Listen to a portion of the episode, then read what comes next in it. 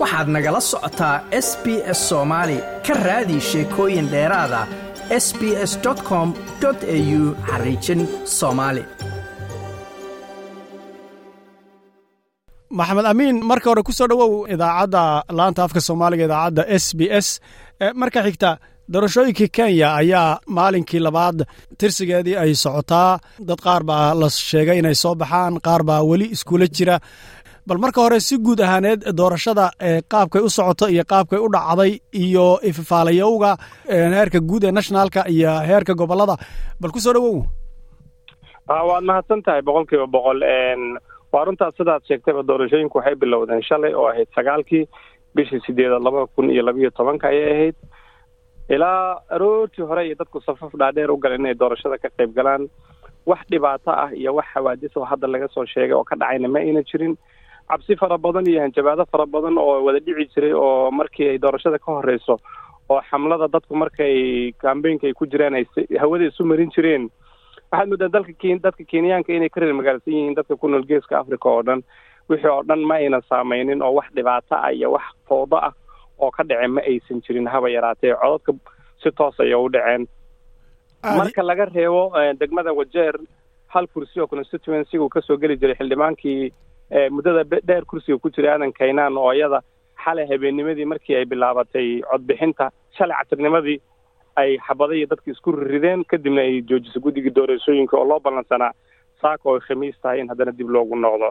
Caad ahaan doorashadu si saxa ayay u dhacday. Wax dhibaato ilaa iyo haata ka dhacaynan ma jirto. Wax murashaxoo eed ka soo jeedsadana hadda ilaa iyo haata oo la sheegayo ma jirto. Gartay bal intaynaan gobollada aadin dhanka nationalka madaxtooyada dadka ku tartamayey labada nin ee ugu cadcad iyagu ishayey ruuto iyo rayla xaggey kala marayaan? Runta marka runtii saddex madaxweyneyaasha u taagna xukunka waxay ahaayeen afar nin. Ra'iisul wasaarihii hore dalka kenya raila odinga ahna murashax caan ku ah doorashada. Markastaba shan jeeroo horena doorashada ku guuleysan waayey madaxweyne ku-xigeenka hadda xukunka hayo moodo madaxweynihiisii hore inay waxooga ku kala tageen dhanka siyaasadda william ruto. Waxaa jira isagana nin yidhaahdaa joseph mahiga iyo george makoha labada kale waxaad moodaa codkooda inuusan wax saameyn badan uusan ku lahayn. Labada tartamaysa waxay ahaayeen madaxweyne ku-xigeenka william ruto iyo waxay ahaayeen oo keliya toon ra'iisul wasaarihii hore raila odinga. Waxaad moodaa ilaa iyo haata codadka la tiriyey inkastoo iska weli un bilow ay tahay oo ilaa iyo haata codkii la tiriyey ay dhan dhan yihiin un ilaa afar milyan ama shan milyan waxaad moodaa in ay sud yaraha dhow dhow yihiin wax farq oo fara badan uusan u dhexaynin.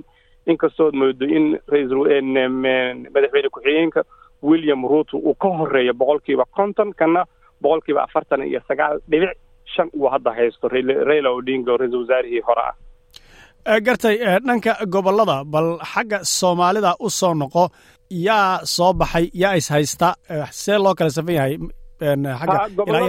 soomaalida gobolka waqooyi beri oo ka kooban isaga saddex gaarisa iyo wajeer iyo mandera iyo gobol kaloo aan haaf ka degno oo sielo ah gaarisa ilaa iyo haata gabanayaashii lama hayo mid ay i a b c guddiga doorashooyinka ay ku dhawaaqeen inuu si rasmi u guuleysto inkastoo ood moodo in uu nadiif jaamac aadan deero gabanihii hore ki hadda ma aha kursiga ku fadhiyay kii hore uu ku hogaaminaya ilaa cadad aad mooday inuu yahay muriix wuxuu marahayaa ilaa konton iyo afar kun oo cod buu marahayaa. Halkanka kale uu ku xigana aad u malaysa inuu udhexeeyo afar kun.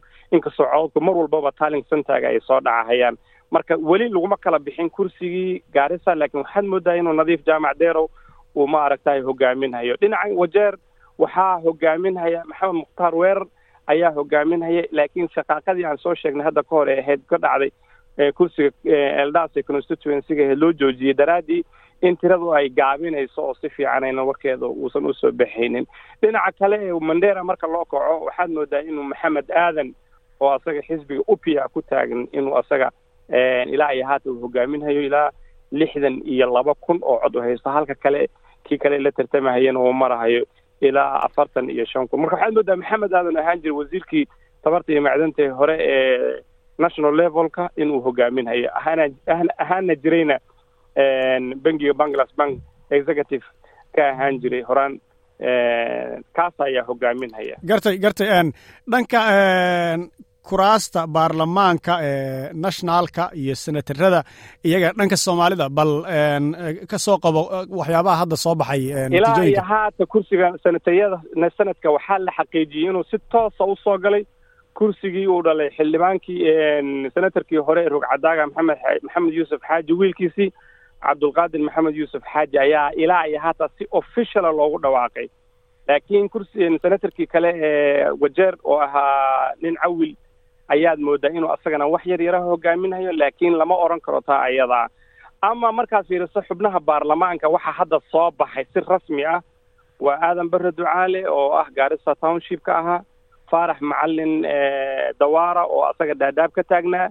Waxaa soo baxay sida oo kale ijaara oo aad moodo gabadhi iyada xiise gaara lahaydoo gabadhii hadda kursiga ku jirtay shantii sane hadda u dambeysay safiya cabdinuur in waxaad moodaa laga qaaday. Lagama qaadin oo keliya weliba waxaad moodaa in si lagu galaangashay oo xoog lagu durduriyay ayaad moodaa waxaa soo baxay ilmo yar oo aad iyo aad mutacalim ah oo aad u yar oo dhalinyarada youthka ayaa soo baxo ban la filayninba inuu soo baxayo wuxuuna haystaa ilaa iyo haatan inkasta oon shahaadadii si toosa gacanta loo siinin wuxuu haystaa sideed kun oo cod ilaa jajab buu haystaa. Halka kale ka ugu dhowna uu yahay xildhibaankii hore ee ijaara safiye ka horreeyey uu haysto ilaa shan kun. Marka waxa udhexeeya waxaa ilaa saddex kun oo cod bay marka waxaad odhan kartaa inkastoon shahaadada weli la siinin laakiin wuu qaaday ninkaas sababtoo ah taalinsantayaasha soo hadhayaaba saddex ahba. Hataa saddexdaas haddii la siiyo laysugu daro ayuusan soo gaaraynin ugu dambaynta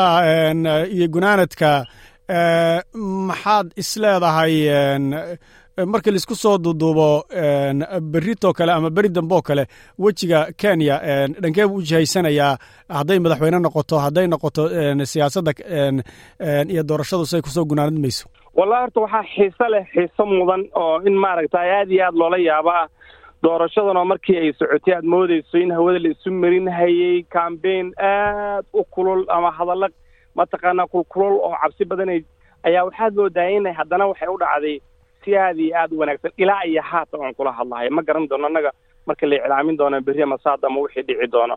Horta taa xiise badan bay leedo waxaad moodaa dadka kenyaankaha in ay maaragtay ka aqoon badan yihiin dadka ku nool geeska africa oo dhan xagga dimuqraadiyadda. Bal waxaan odhan karnaaba haddii ay sidan ku dhammaato in qaaradda africa oo dhan ay tahay guul u soo hoyatay xagga dimuqraadiyadda iyo aad mooddo xagga door codbixintaba lama saadaalin karo tan madaxweynaha national levelka lama saadaalin karo. Waxa xiisaha mudan ayaa wuxuu yahay afartan iyo toddobada governor ayaa william ruto wuxuu haystaa lix iyo labaatan governor ayuu haystaaba oon la firanaynin tirada aynan ugu jirinba. Waxaad moodaa iyadana waxaa wejigaaf kale ay ku niman doo ku iman doontaa madaxweynihii hore ee madaxweyneha hadda xilka ka sii degahaya ee uhuru kenyatta ka ood mooday in murashaxiisii uu dabada ka riixahayay inuu culayskiisi weli qaadi kari layahay lama garan karo saan hadda kuu sheegay maxamedo weli oo lama laguma dhawaaqin risaatigii kama dambayntii weliba weli waa tu ali weye waxay qaadan doontaa sidaan u malaynhayo maanta iyo berri waa lagu kala bixi doonaa. Waxaase dhici kartoo loo malaynaya markaad hadda fiiriso muxaliliinta siyaasiyiinta u xildheer siyaasadda in la isla aadi doonoba wareeg saddexaad la aadi doono. Hadday toos ay ku kala badin kari waayeen. Ilaa iyo siday hadda ku socotana waxaad moodaa inay wareeg saddexaad aadi doonto ayaad moodaa kaasi wuxuu ahaa maxamed amiin masai oo isagu ah nin siyaasi ka soo jeeda kenya oo hadda ka horna murashax ka ahaa degmada ijaara ee kenya. Maxamed amiin aad baad u mahadsan tahay aadaa mudan. Ma doonaysaa sheekooyinkan oo kale? Ka dhegayso apple podcast google podcast spotify ama meel kasta oo aad bodkastigaaga ka hesho